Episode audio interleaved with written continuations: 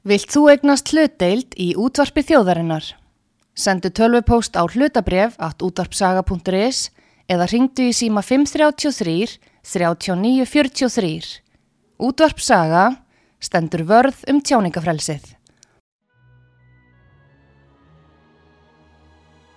Útvarpsaga í Reykjanesbæ, FM 99,4.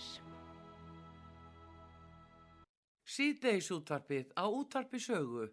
Þáttastjórnandi Magnús Þór Hafstensson.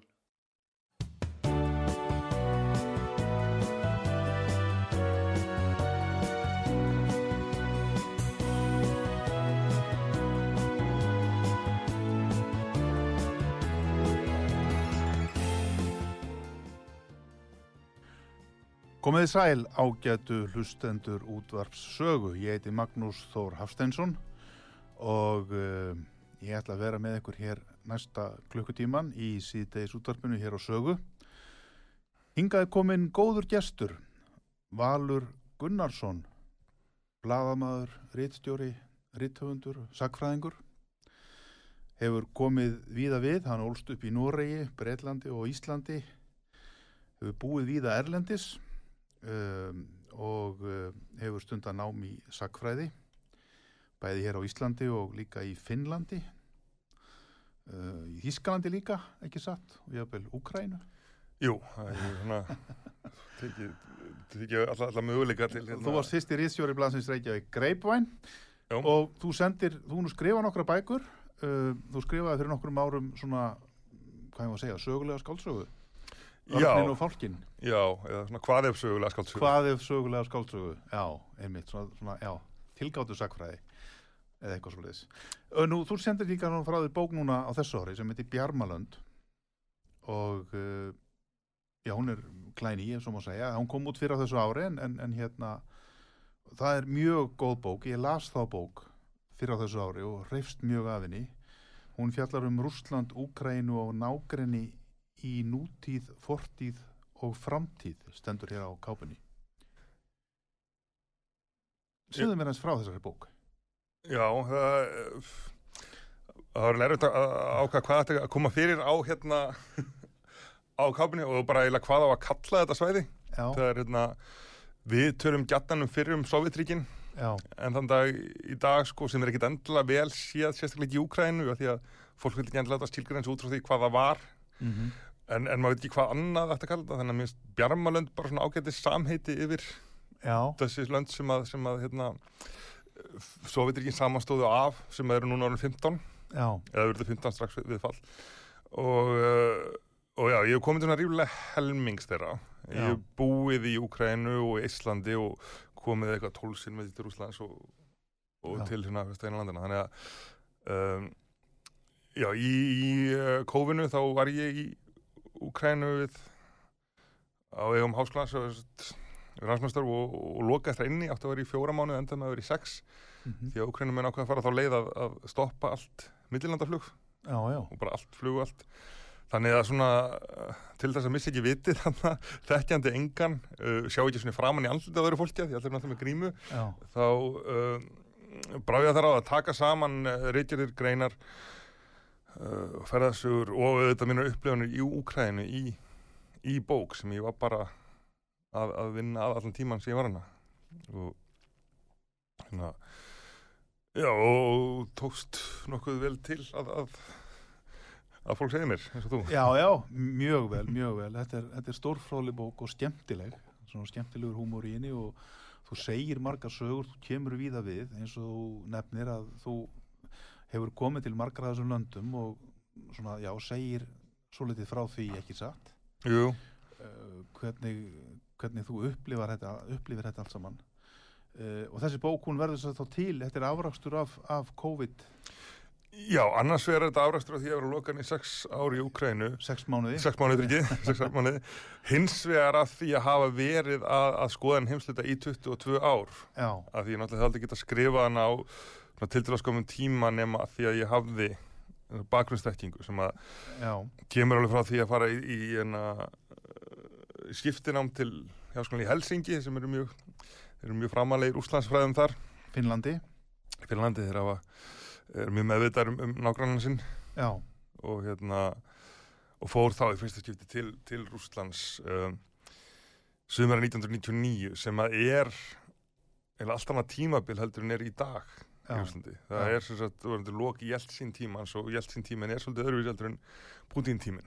já, Uh, þá er ennþá sko þessi svona kaotíska þú veist uh, nánast bara mafíu kapitalismi má segja sem að var uh, vilt að austrið allt allt leifilegt, það var spilavíti og það voru hérna vandiskonur í hverjum undirgöngum og þú veist en síðan og, og allt svona að maður hrunni komið svolítið sko. já.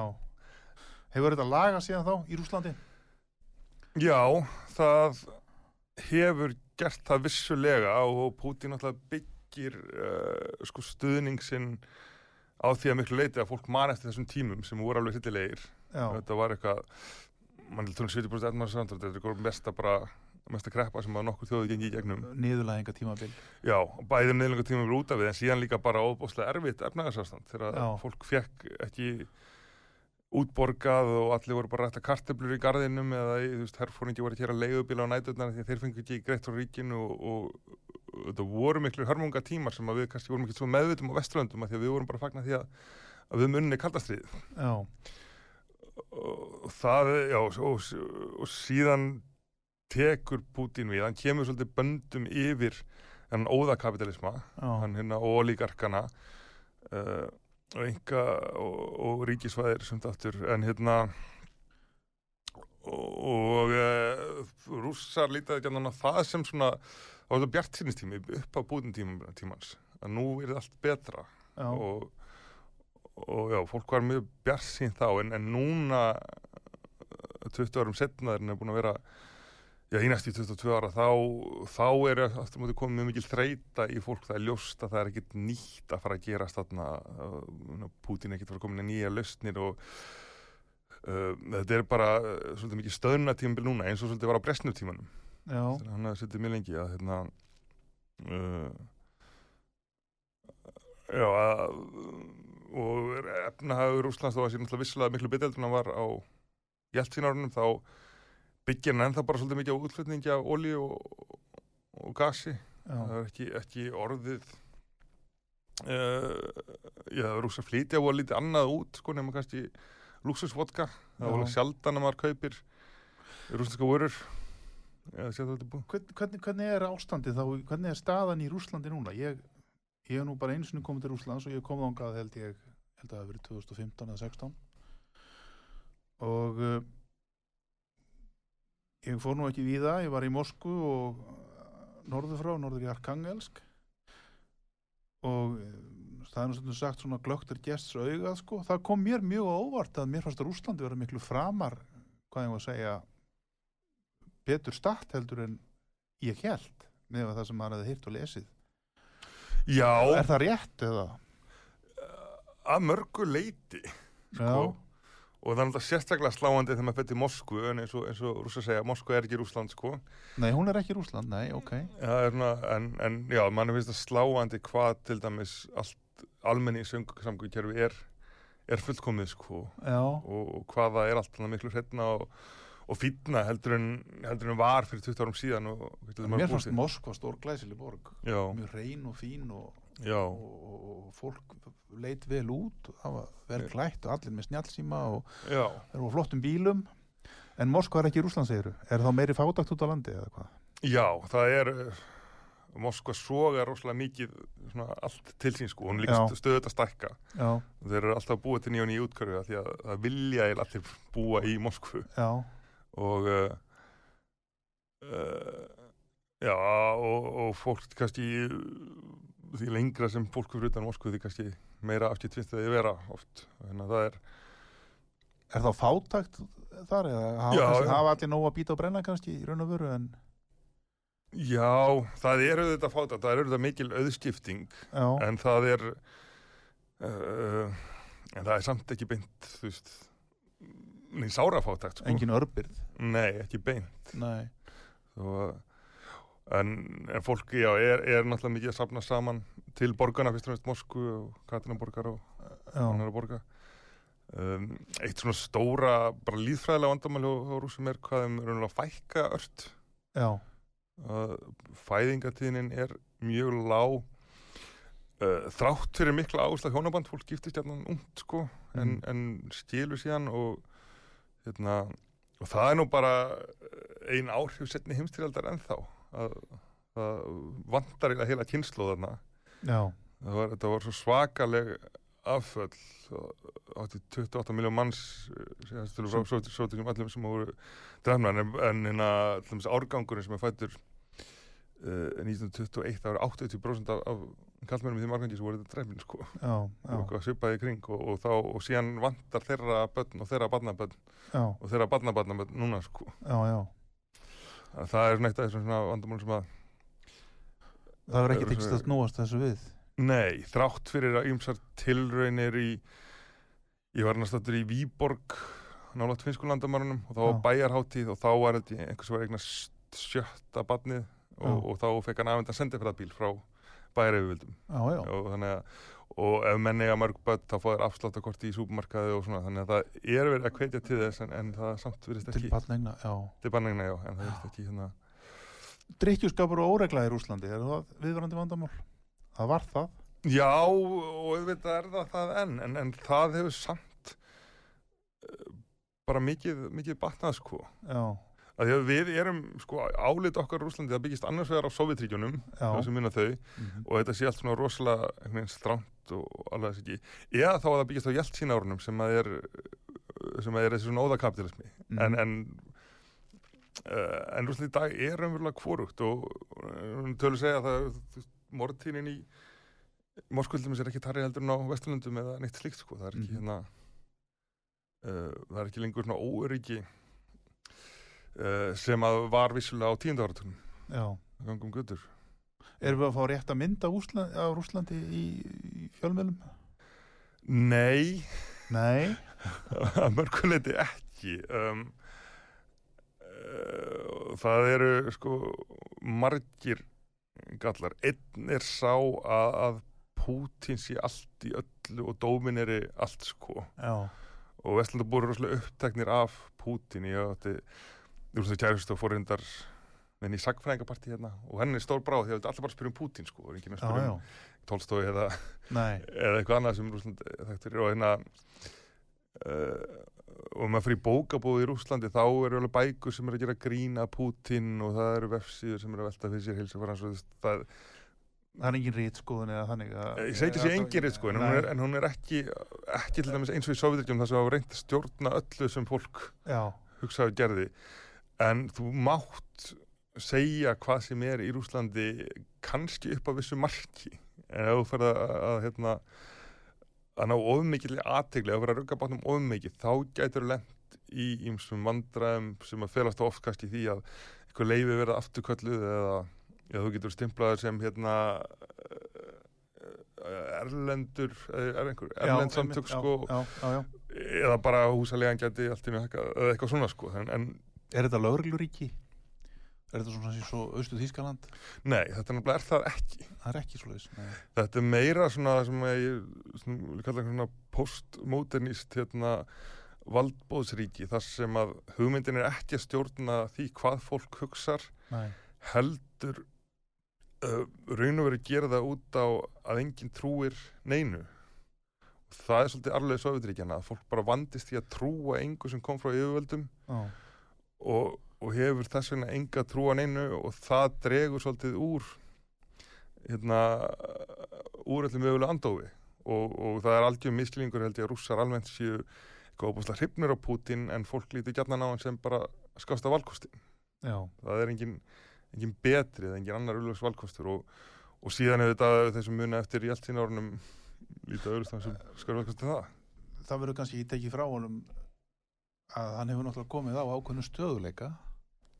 Já, og stöðuleikin er svo óbúslega mikilvægur fyrir rússum að því að þeir þekkja hitt. Upplustnan ástandir. Já, náttúrulega fyrst og náttúrulega er ennþá í, í minni margra að flestra upplöðsanastu eftir, eftir fall Sovjetríkjana og síðan náttúrulega er þetta sko skelvilega ástand eftir hérna, fyrir heimstöldinu og borgaræstíðinu þegar náttúrulega það var Já. alveg alveg óbúslega óvöld sem kostiði marga mulnum manna lífið Já, Já. 20. aldin var rúsum dýr að margan hátt.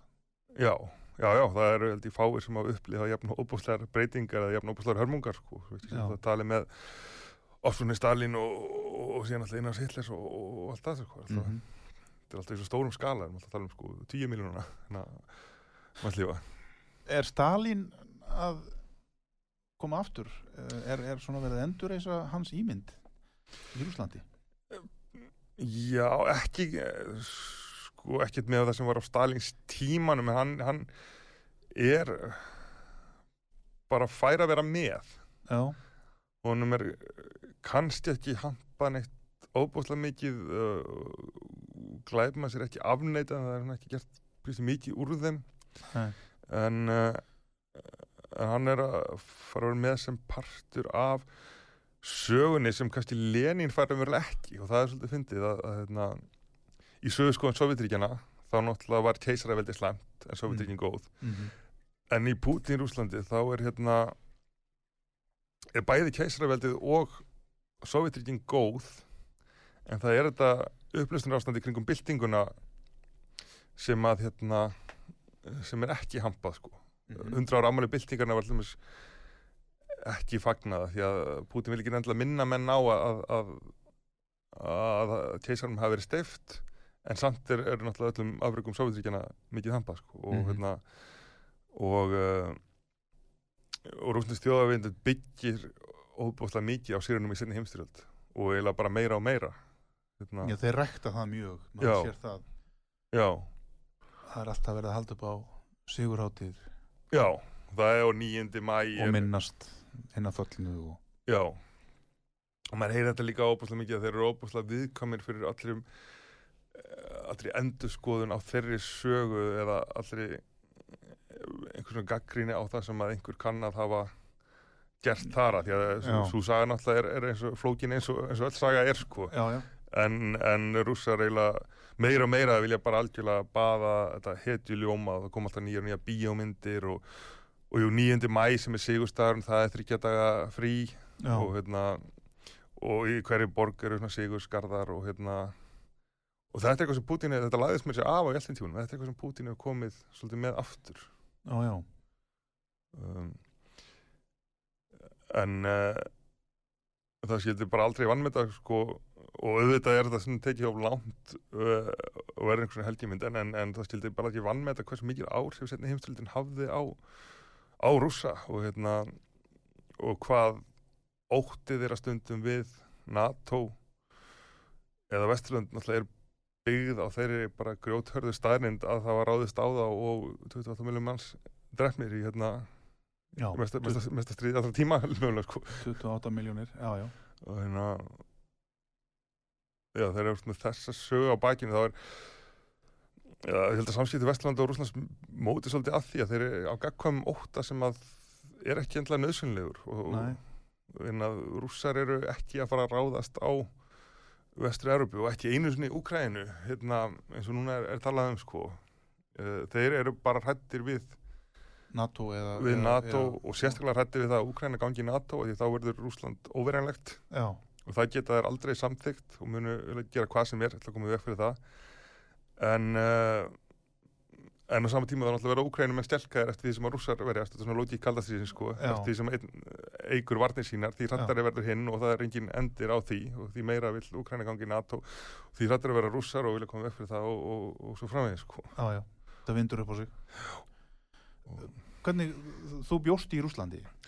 Uh, ég var þar uh, lengst um, hvað vetur og vor 2006 þá var ég í Pétursborg og Pétursborg er alveg svo borg sem ég þekki best. En, uh, en ég hef aldrei búið í lengri tíma í, Rúslandinu Hvernig var að vera útlendingur í Rúslandi? Fannst þér þú mæta tortregni eða voru allir mjög svona... Nei, þvert á móti. Það Já. er kannski annað sem að hérna, fólk miskilur svolítið við Rúsland að það heldur að, að vesturlandabúar séu tortriðir en þvert á móti þá eru bara allir hérna, innilega gladir að sjá mann.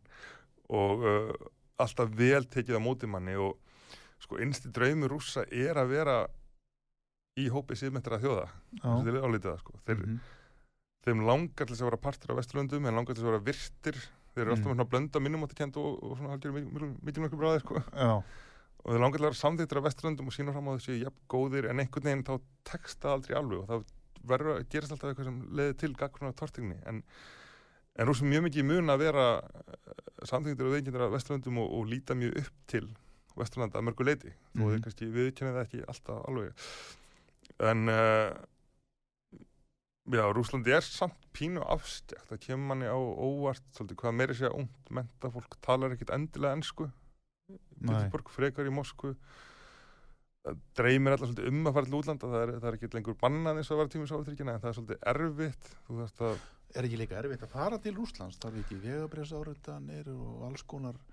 Jú, en það er ekkit óðvistjanlegt, það er hægt að fara Nei. upp á tungötu og, og það þarf að borga held í 100 dollara og það þarf að skilja inn uh, tryggingum og það þarf að fá bóð, en það Já. er reyndir að kaupa það formulega á netinu. Já, já, og, og þú ert, uh, jú, ljósmyndir og, og síðan farið þarna og þetta tekur svona viku að, fyrir þá að hérna, útbúa það.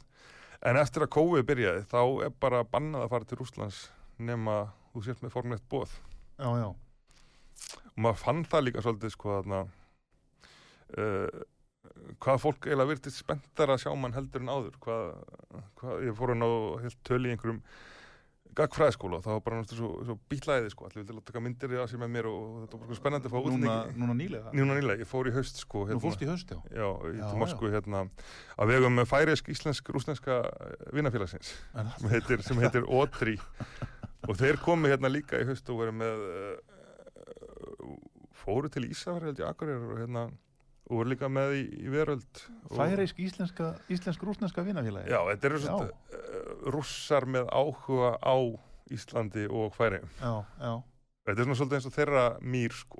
Þeir Já. eru, þeir eru að kynna mýr er náttúrulega sem er hópur Íslendinga sem eru áhuga á Rússlandi. Já. En rússar eru konum með svona félagskap líka Já, já. Já, já, og það þessum að ég er eitthvað um næst í 20 ára gammal sko. byrjaði því að það var manneskja Elena sem að var að selja ferðið til Íslands. Já, og það, en, það er eitt af því sem Putin hefur gert sem að hann hefur hérna, verið að skattleggja svona lítil fyrirtæki svo mikið og eiginlega sem að hefur gert það mjög erfitt fyrir að starfa sko. og, og þá þannig að hún er ekki lengur í því en hún er, er að sinna þessu, kynna íslenska menningu í, í Rúslandi já Akkurat og, og hún útvegaði bóð fyrir mig. Þannig að, eh, þannig að ég geti farið sem sagt, í, í oktober annars hefði ég aldrei geta komist. Nei, nei. Uh, Áhugið þinn á þessum löndum hann á Austantjáls, fyrrum Austantjálslöndum ef svo má segja. Hann vaknar í kjölfarið á því að þú fer til Finnlands eða hvað Já, þú veist, maður alltaf sem kaldarstíðsbarn og síðasta kynslu kaldarstíðsbarn og það var maður alltaf haft Sovjetrikinn sko og síðan Rúslandana svolítið Já, bakgrunninum sko. Rocky og Rambo og þetta voru svona vondukallanir sko. Já, já, og síðan var spennandi að sjá og síðan þú bara breytist allt Sovjetrikinn hundu, það er komin allir lönd á kortið. Já, En já, þetta gerðist, þetta var nú nánast bara tilviljun að, ég átti að reyka maður stúdendagurinn fyrir kattarhald og ég langaði bara að fara eitthvað. Og fóð framæðinur á alþjóðskrifstof og það var alltaf lungu, allir umsóknarfrestir lungu útrunir. En uh, sem er að háskólinni Helsingi myndi taka við mér því að já, þeim þykir vænt um Íslendinga og líka því að það voru fleiri finnar hérna heldur en Íslendingar þar. Íslendingum dreymur einhverjum ástæðum ekki til þess að fara til Helsingi í janúar sko. En hérna já þannig að ég gætt farið bara með mjög stuttum fyrirvara og þá skráði mig í nám í rústnesku eh, fræðum þegar ég held þetta? Já, og uh, var heillar því, kynntist líka hópi manna hérna eh, oftast fyrrum eigin menn sem hefði komið til Finnlands þetta fyrir konum eða, eða rúsnesku fræðingar sem hittast á hverju mánudegi, sakfræðingar og sem er bara í fremstu röð. Hérna sem var ágæðið Madeleine Albright uh, uh, sem var hérna utarkisáður á bandaríkjana og hún er tekki eða ekki, Jú, jú, já, hún hérna hún er mjög hörð í, í Garðrúsa Henn er ekki vel við rússa Nei og það er sem hann er sagða eins og hérna, s- Er þessi tortryggni í garð rússa sem við stundum heyrum af hér á Vesturlundum, er hún, finnst þér hún svolítið svona yfirdrifin eða ástæðalus? Þú kannski komst inn á það áðan líka. Já, ég held að hún sé uh, allan yfirdrifin Já, spurning hvort sé ástæðlega sko, svo sjónáli rússa eru þeir alltaf bara að verja sjálfa sig. Já, og það er, og þú veist, fólk heldur að, að Putin sem er eitthvað plan að leggja undir sig heiminn eða endur þessu Sovjetríkin, það Mm. er alveg fjari lagi, sko, hann er bara að bregðast við en hann er mjög góður í því. Og allt sem að öll klúður vesturlanda í Afganistan í, í Sýrlandi og núna í Mali frökkum, Mhm. það er hann alltaf fljótur inn, sko, þannig að hann lítur út fyrir að hann sé með eitthvað plan. Hann er uh, nei, þetta er bara fyrst og fremst gagkvæmur ótti, rússar eru sko, á sama tíma og rússneskur almenningur sérstaklega lítur upp til Vesturlanda og vill til þeirra Vesturlandum, þá er samt alltaf þessi ótti að því að hérna það hefur nú verið ráðist á Rússland oftar en einu sinni, oftar en tvisvar sko, já. og allt, alltaf með alveg skjálfum afleðingum, þannig að Gætir vestræna áhrifa mikið í Rúslandi hlustaðar á vestræna poptónlist og horfa á vestræna bíómyndir og... já, alveg. Uh, uh, já, þetta er svona rússneski menningar samrunni, hann er svolítið fyndin að því að þeir lesa sína klassísku bókmyndir þeir lesa Dostoyevski og Tolstói mikið Mm. þeir lesa líka rosalega mikið bara Dickens og svona klassískum vestrænum bókmyndum Já. það þykir mjög fínt og síðan kannski á sama tíma eru þau með alveg nýjustu dægutónlistina því Já. það þykir líka fínt sko það sem þykir fínt er annars vegar eitthvað sem er klassíst eða eitthvað sem er alveg spán nýtt sko. Já. þannig að það er ekki það er ekki þannig að lesa Tolstói og hlusta á, á Beethoven heldur þú ert að lesa Tolstói og hlusta á uh, ég, þú veist, mér langar til að segja Jennifer Lopez en það er, það okkur til að mér hlýnir að dæmi sko. Þannig að já, þannig að þeir eru og, og reyndar allt, allt sem ég er að segja um Rúsland á enda meira við um Kvítarús já við skulum, við skulum inn á þau lönd, þessi fyrrum Sovjetríki í seitinötu þáttarins en nú skulum við fá auglýsingar. Þeir eru að hlusta á út af sögu. Ég heiti Magnús Þór Haftinsson.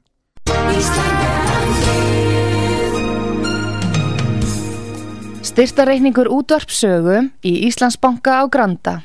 Útubú 513, höfubók 26, reikningur 2.11.11. Nánari upplýsingar á útvarpsaga.is. Takk fyrir stöðningin. Útvarpsaga í Rúslandi. Útvarpsaga.is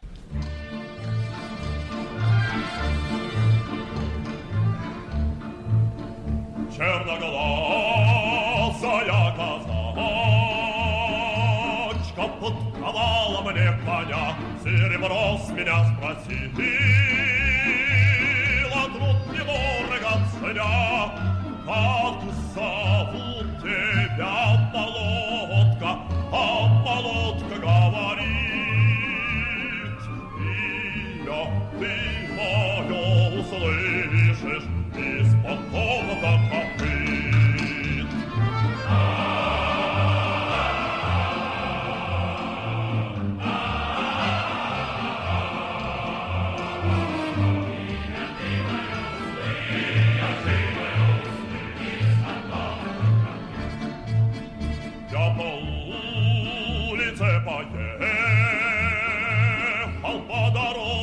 поскакал, по тропинке между бурых, между серых, между скал. Маша, Зина, Даша, Нина, все как будто не она. Катя, Катя, высекают мне подковы скакуна.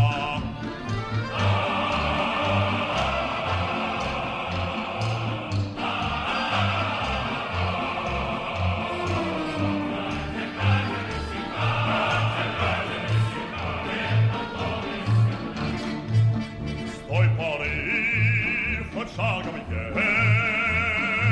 еду, хоть галопом поскочу, Катя, Катя, да Катя, на не устал я шепчу, ну что за бестолочь такая, у меня ж другая есть. Но уж Катю словно песню из груди, брат, из песнь.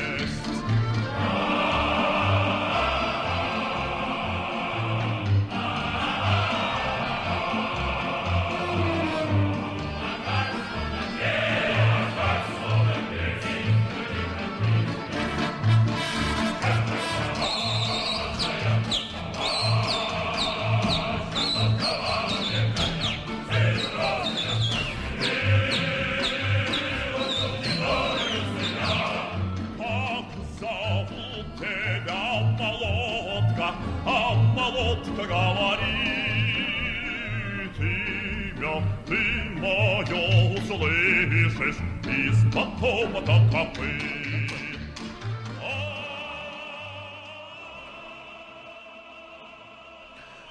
Já, komið sælaftur hlustendur út af sögu Magnús Þór Haftinsson heiti ég og þeir að hlusta hér á síðdeisútvarpið hjá okkur er Valur Gunnarsson bladamaður, rittstjóri, sagfræðingur og rittufundur við höfum verið að ræða hér um Bjarmalönd, það er að segja löndin sem tilheyrðu Sovjetríkjunum í gamla daga. Við vorum hér fyrir líðað mest að tala um, um Rúsland Uh, já og meðan í mann lægið sem við vorum að spila er uh, með rúsneska stórtenúrnum Leonid Karitonov og þetta var Kór Rauða Hersins sem söng með. Þetta er upptakka frá því um 1970 á gullaldar árum Sovjetríkjana kannski ef svo má segja, allavega eftir stríð þegar kaldastriði stóð sem hæst en Valur, já við vorum að tala hérna um Rúsland áðan uh, hvað með all hinlöndin? Þú skrifa nú í bókinu bæði Mistarsallöndin og Kvítarúsland og Ukrænu. Já, Það er nú svona ímis átök í kringum, já, sérstaklega tvö síðast nefndunlöndin. já, jú, jú, þetta er náttúrulega sko við hugsaum ennþá um þetta sem, sem fyrrum Sovjetríkin en, en eftir einhver áratíð þá mun það ekki eiga lengur við. Eistaslöndin eru nánast bara orðið norræn ríki. Já, og síðan náttúrulega eru við með, með sko Kazakstan og síðan mið Asíulöndin sem eru uh, Turkmenistan er, vist ófrjálsasta ríki í heimi, þeir eru búin að komnir niður fyrir Norðurkóru Úsbekistan og hvað við heita allan. Já, og, og Tajikistan og, og Kazakstan, en hérna það eru Já, þannig að þetta er náttúrulega er bara heill heimur þarna, sko. Já, en það já. spannar þetta, þetta er starra yfirbúr heldur en á Plútó og hérna, og Já. voru svo ekki og hérna, þannig að það er náttúrulega mjög mismunandi hvað hefur, hefur gerst, en með Íslandsfjörðin að pluma sem mjög vel, þá eru hann Moldova, stróða Úkræna með fátakastu ríkjum Evrópu. Já, Hvítarús er nú oft kallað síðasta einaðisríki Evrópu, já, þar sem að efnahags aðstæður eru reyndar ekki svo slæmar. Það er reyndar talsveit betri heldur en í Úkrænu og Moldófu, en, en stjórnmála ástandið er, náttúrulega ekki gott. það er Lukashenko þar. Já, það er. Lukashenko. Mm. Og um, uh, já, Hvað, er, flest, hvað er að gerast í Úgrænu? Er, er að brjóta þú stríð þarna? hvað- ég held ekki, ef það bríkst út stríð þá er það bara fyrir algjöran villisisgang, sko. Já, því að það, það vill engin stríð en uh, þegar spennustíði náttúrulega er orðið mjög hátt þá er það geta hlutinu farið úrskeiðis eins og það gerðist 1914 jú, jú, mikil ósköp. og það er það sem kannski maður óttast mest er bara, og, og náttúrulega gerast næst í kúpudelina hérna, að, bara fyrir ykkur mistök þá hérna, það er uh, þetta er nú annað skiptið á árinu sem rússar er að byggja herrafla hérna, við landamærin. Já, og uh, þá var líka í vor hefur menna ágjörð því að, að þeir voru að fara að ráðast á Úkrænu en, en ég tel bara eiginlega enga líkur á því. Það er einfallega ekkit upp úr því að hafa.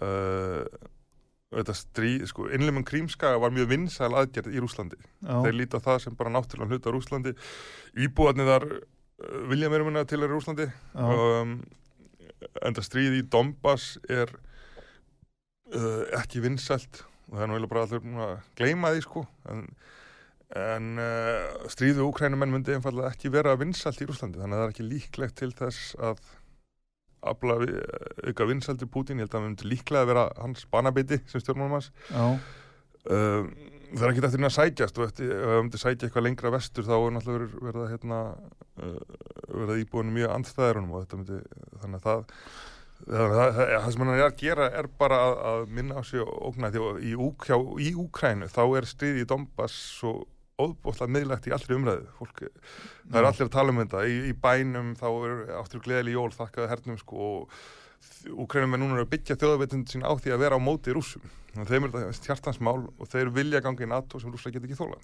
Það- nei. Þú varst í Úgrænu, þú lokaðist inn í Úgrænu Jú, jú, og, og og hvernig, hvernig þú lítur nú að hafa svona, þú hafa kannski setið stóran hluta tímanum við skriftir að hérna, hvernig, hver er afstæða almennings í Úgrænu gagvat Rúslandi? Nú skildum maður eiginlega halda að þetta væri nú hálfgerða svona vina þjóðir eða hvað? Uh, já, þetta eru bræðra þjóðir en ekki, Bræðraþjóðir, en ekki alltaf vina þjóðir. Nei, akkurat. Einhver leiti er, er þetta sískina er sko, en, en, en það er hérna normin og svíjar bröðst og barnaspjótum öldum saman, það er ekki til maður sko útilokar slíkt. Nei, Um, jú, jú, og úkrænumenn alltaf, þeir, þeir lesa líka Puskin og Tolstoy og allt það, þeir líka eru svipaði menningalegu bakgrunn. Já. Já. Já, algjörlega og, og meirliti úkrænumanna með þess að tala rúsnesku sem móðumál. Já. Það er bara í vestuhjörnum sem að, sem að menn tala úkrænsku en það er bara að vera að leggja mikla áherslu á það núna, tala úkrænsku frekar heldur en rúsnesku og hérna En af hverju vilja þær fara inn í, eru þeir hrættir við Rússan? Af hverju vilja þeir, til dæmis, eru þeir að bera víunar í NATO? Já, náttúrulega- en náttúrulega núna eru þeir hætti við rússa, skiljanlega Já. en uh, uh, það, en þeir áttu í góðum samskiptum við rússa alveg þanga til uh, 2013 14 Já. þegar að hérna þá eru þeir að fara að gera viðskiptasamning við ESB sem er ekki ekki inganga en, en, en bara viðskiptasamningur og allt í á síðustu stundu þá hættir uh, Janúkovic sem var þá fórseti og við og fær í staðin stort lán frá rússum Já. og þá hérna verða mikil mótmæli sem að snúast einhver leiti um Europasambandið hundra manns deyja og Janúkovic þarf á endanum að fara frá og og um, markmiðið er þá að auka samskiptum við Európu og, og þarna gerist það sem að eiginlega enginn hefði búist við er að, að rúsa leggja undir sig krímskaga Já. sem ansvar við þessu og hérna uh, og síðan uh, hvetja þeir til uppþóta og uppreistna sem að uh, flestir hafna en gerist í Donbassvæðinu og þetta gerir það að verkum að sko ég samkvæmt uh, stoppsáttmála NATO þá getur ríki sem á í stríði ekki gengið í bandalæðið Já. þannig að meðan þetta stríð er ennþá í gangi þá getur Úkræn ekki gangi í NATO en, og, og það er kannski líklega það sem Putin er að hugsa það, hérna, Hann er, er hann að viðhalda svona einhvers konar glóðum ófriðar já, til þess að koma í til veg þess að koma í veg fyrir að Úkraina fara í NATO? já, og þetta gerir Úkræn menn ennþá áfjárum að ganga í NATO þannig að þetta Já. er svona ítir undir hvort að- sko Þannig að þetta er að vinda upp, eða svona gæti verið að vinda upp á sig.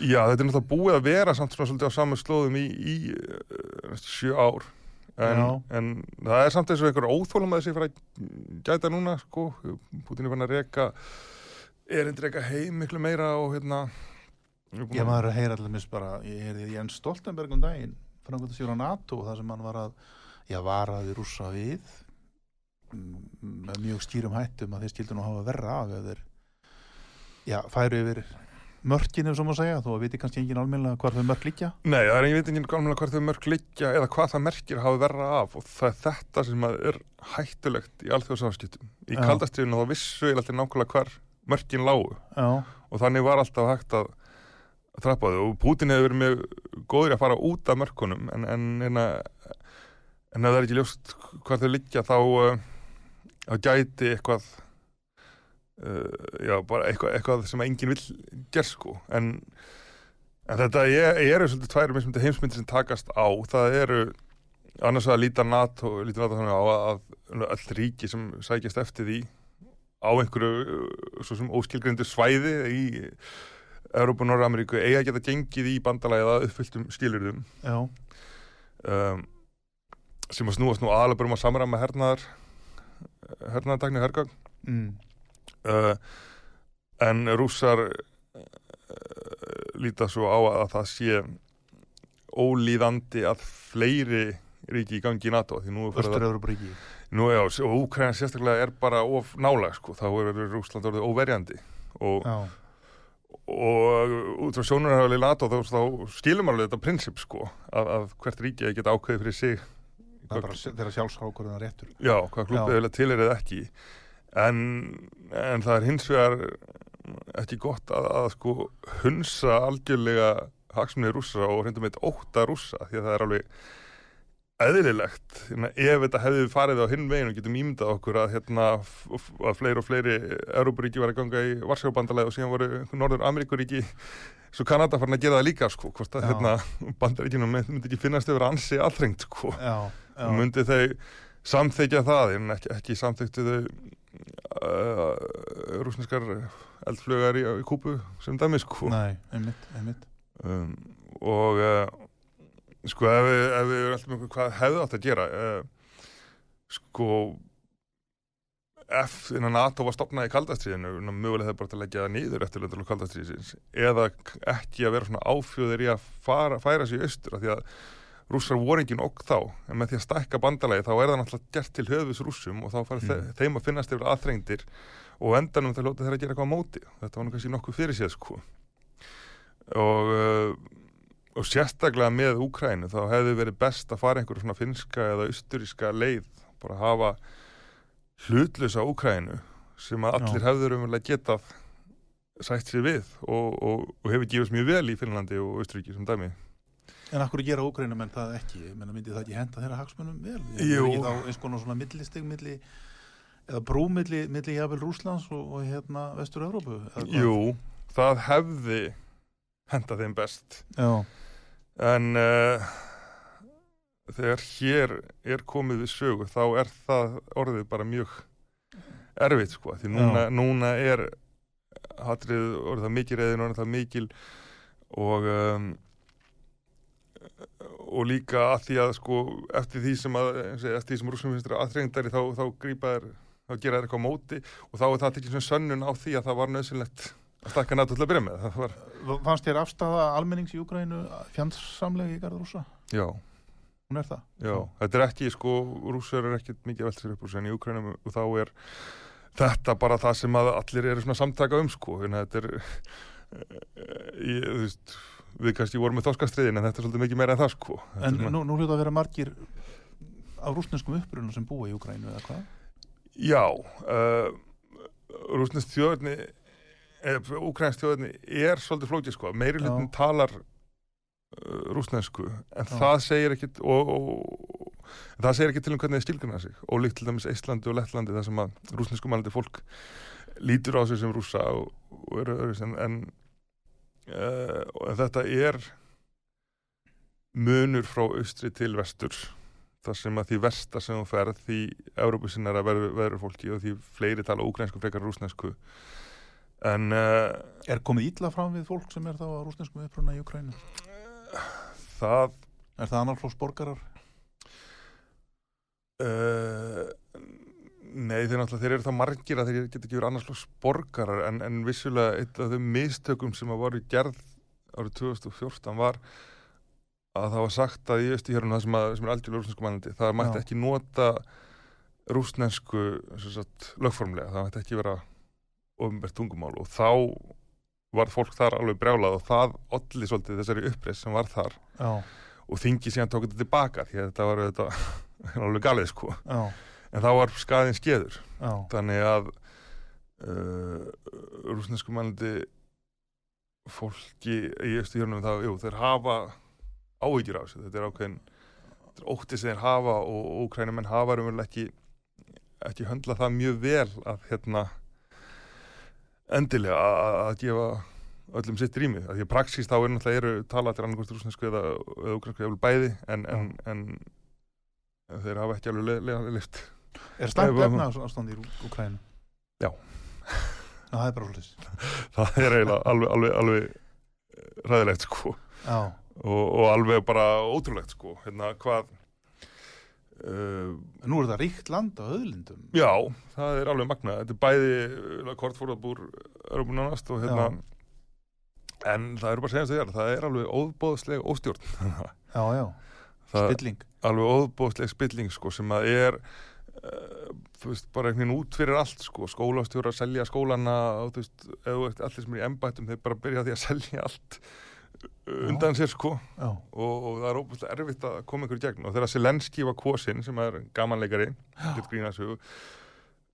og stendur utan við kjærið og, og meinar vel og hann, hann getur voða lítið gert. Hann, hann selti lög gegn spillingu en þá var hæstiréttur sem afnam þau og það er ekkert að skipta út hæstarétnum með samþykja hans sjálfs og mig grunar reyndar að, að, að því að hann var kosin til að vera með umbætur Já. og, og berist ekki spillingu og hérna ef það gengur svona illa þá hérna er kannski hinn kosturinn bara að, að hérna að gera sér mest úr rússákninni sko. Mhm. og, og það er hinlegin til þess að sækja sér fylgi sko, að, hérna, og er líklega auðveldara heldur en að, að hérna, við nú erum sér spilningu sko. En í Hvítarúslandi, þar er hérna gott á melli rúsa og Hvítarúsa. Alltaf stjórnvalda. Jú, um, það er sko Lukashenko er svolítið reynd að sigla milliveg og fa fara sinni eigin leiðir en eftir þessar upp, eh, mótmæli byrjuð síðasta haust, þá er hann algjörlega upp á Putin komin þannig að það er eini stuðningsmæður hans og hérna, hann getur lítið gert án samþykis Putin uh, mótmælendur í Kvítarús hafa reynd að láta þetta ekki verða mótmæli gegn rússum heldur bara gegn Lukashenko og eru þar með að læra af reynslu úkrænumanna þar sem að mótmæli gegn Janúkovits uh, örðu líka að mótmælum með Europasambandinu móti rússum og það kallaði á gagnætjurir þannig að Já. hérna uh, en alltaf allar þessar þrjár þjóðir eru alveg náskildar sko, bæði menningarlega og, og það er til eh, náttúrulega kvítarúsneska sem er skildur rúsnesku og þannig að uh, já, þannig að það virðist vera sem að mótmælun í, í kvítarús sé fyrst og gegn Lukashenko ekki í rússum en, en það gæti breyst með tíu og tíma og það eru náttúrulega einhverju Európa sinna það líka en, en, en eins og komið er þá hérna En þú er ekki trú á því að þetta verði allt saman að einnig stórstyrjöld nema eitthvað stórslis verði. Já, það munur klárlega Það græður enginn á stríði. Nei, bara, bara með sem bókstaflegastum hætti sko Já. og þetta er þetta mál er í sjálfu sér uh, leysanlegt Já. Um, ja, sko, og e- ef, að, ef það væri hægt að leysa á þann hátt að Úkræna myndi skuldbyrðið til þess að ganga ekki í NATO og myndi fá alltaf þá aðstóð sem að þið þyrftu þá, þá myndi málið leysast en að Pútín hefur engan sérstaklega áhuga á þessum austuhjörðum Úkrænu Nú bara hal- viðhalda uh, þessu stríði ganga til þess að koma í veg fyrir að þið gangi í NATO um, það væri hægt að, að semja frið og, og innlimuð aftur í Úkrænu með, að- með veittum sérréttundum rúsnesku Já. en hérna já, ef að ef, báður aðlega myndi bara einfalda að draga sér tilbaka að rússa myndi hætta áskiptum á Úkrænu gegn því að NATO myndi Hætta ástíðum Úkrænu. eh, meira meina líka þá það er það sem eiginlega allir meira meina vilja sko en, en þegar er komið eins og á þann stað sem það er þá er hver skipti sem annar aðalinn eflir varnið sinni allir verðast öryggari þá eru hinn hrættari Já. og þá þarf hann ekki að efla varnið sinni líka og þannig náttúrulega getur það stuðmagnast alveg út í, Já, já. út í eitt sko Já, já. En, en, Já. Valur Gunnarsson, rítöfundur og sakfræðingur. Eh, tíma okkar hann fyrir nú að renna út en eh, mér langaði því lokin aðeins til að minnast á eða nefna eða beðið um að segja okkur aðeins frá þið ætlaði að vera með áhugaverðan fundi í Yðnó hvað 8. desember já hvaða viðbörur er það? um, sko Sovjetríkin voru uh, lögð niður 8. desember 1991 þó að fánin hafi ekki verið dregin niður á Kremlin, á Kremlinu fyrir ná jóladag, það var svona uh, frægi viðburður sko en, en það var fundurhaldin í Minsk á, á milli hættur ráðamanna þarna sem að eiginlega batt enda á Sovjetríkin og við ætlum minnast þess. Já. Hverjir, hverjir standa að fundinum? það er sakfræðingafélagið Já, og uh, Jón Ólafsson sem er rúslandsfræðingur og var þarna á þessum tíma já, og var við nám í Moskvu og hann ætlar að fjalla um endalog Sovjetríkjana mm sem að ég hlaka til að hlusta á. Og síðan ætla ég að fjalla um það sem hefur gerst síðan. Sem sagt Rúsland, Jeltsins og Pútins já. hlaupið yfir þessa 30 ára sögu síðan. Um, og svona hvað kannski er hann að útskýra hvernig þessi miklu bjartinistímar urðu, urðu síðan að, að nýju, nýju kvöldu stríði eiginlega sem að hérna, við veist ekkit, ekkit skára einið fyrra. Já, og síðan er svona rúsinni pilsandan er Victoria Baksína sem að uh, kenni rúsnesku við háskólan, hann er flugmalt á íslensku sem Mhm. að uh, getur líka, alltaf líka að tala um sínar upplifanir af í sérstaklega undanfjörnum hérna 20 árum, þannig að við fáum upplifanir hér á Íslandi Nei, upplifanir í Rússlandi. sem er rúsnesku borgari þá, Já, já. hún það er nokkra ár sem flutt til Íslands en hún náttúrulega er, er fætt og uppalinn í, í Rúslandi þannig að það verður Já. áverð líka að fá aðeins sjónurálinn hinnum meginn frá sem að við náttúrulega gera aðeins oftar kannski. Og þetta er í Iðnó? Þetta er yðin á já, 8. desember? Klukkan átta. Klukkan 8 um kvöldið? Þetta er bara opið fundur og allir velkomnir og hérna og kostar nú ekki neitt að þið er bestu veit flott, já, heyrðu ég hérna Valur Gunnarsson, ég þakkaði bara fyrir komuna. Tíma okkar er á þrótum þeir eru að hlusta á síðdeis útvarpið útvarpið sögu. Ég heiti Magnús Þór Hafsteinsson. Takk fyrir að hlusta